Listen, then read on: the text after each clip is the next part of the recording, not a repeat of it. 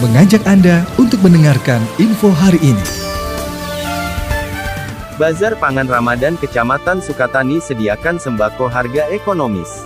Sukatani, pemerintah Kecamatan Sukatani bekerja sama dengan PT Raja Wali Nusantara Indonesia ID Food, menggelar kegiatan Bazar Pangan Ramadan di halaman kantor kecamatan setempat, pada Rabu, tanggal 20 Maret tahun 2022.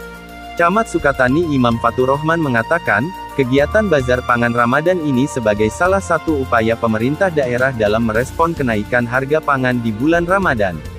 Tujuan adanya penyelenggaraan kegiatan Bazar Pangan Ramadan untuk membantu masyarakat sekitar dalam memenuhi kebutuhan pangan menjelang Hari Raya Idul Fitri 1443 Hijriah dan menjaga stabilitas harga bahan pokok makanan, kata Imam.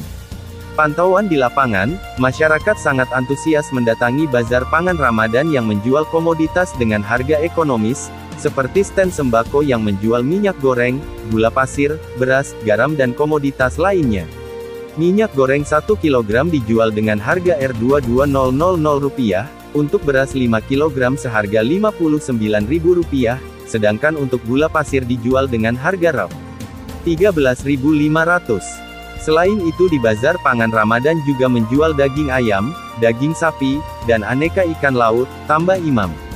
Selain itu Imam mengatakan, kegiatan ini hanya berlangsung satu hari di Kecamatan Sukatani, oleh karena itu pihaknya berharap Bazar Pangan Ramadan ini bisa dilakukan secara rutin untuk menjangkau masyarakat yang membutuhkan.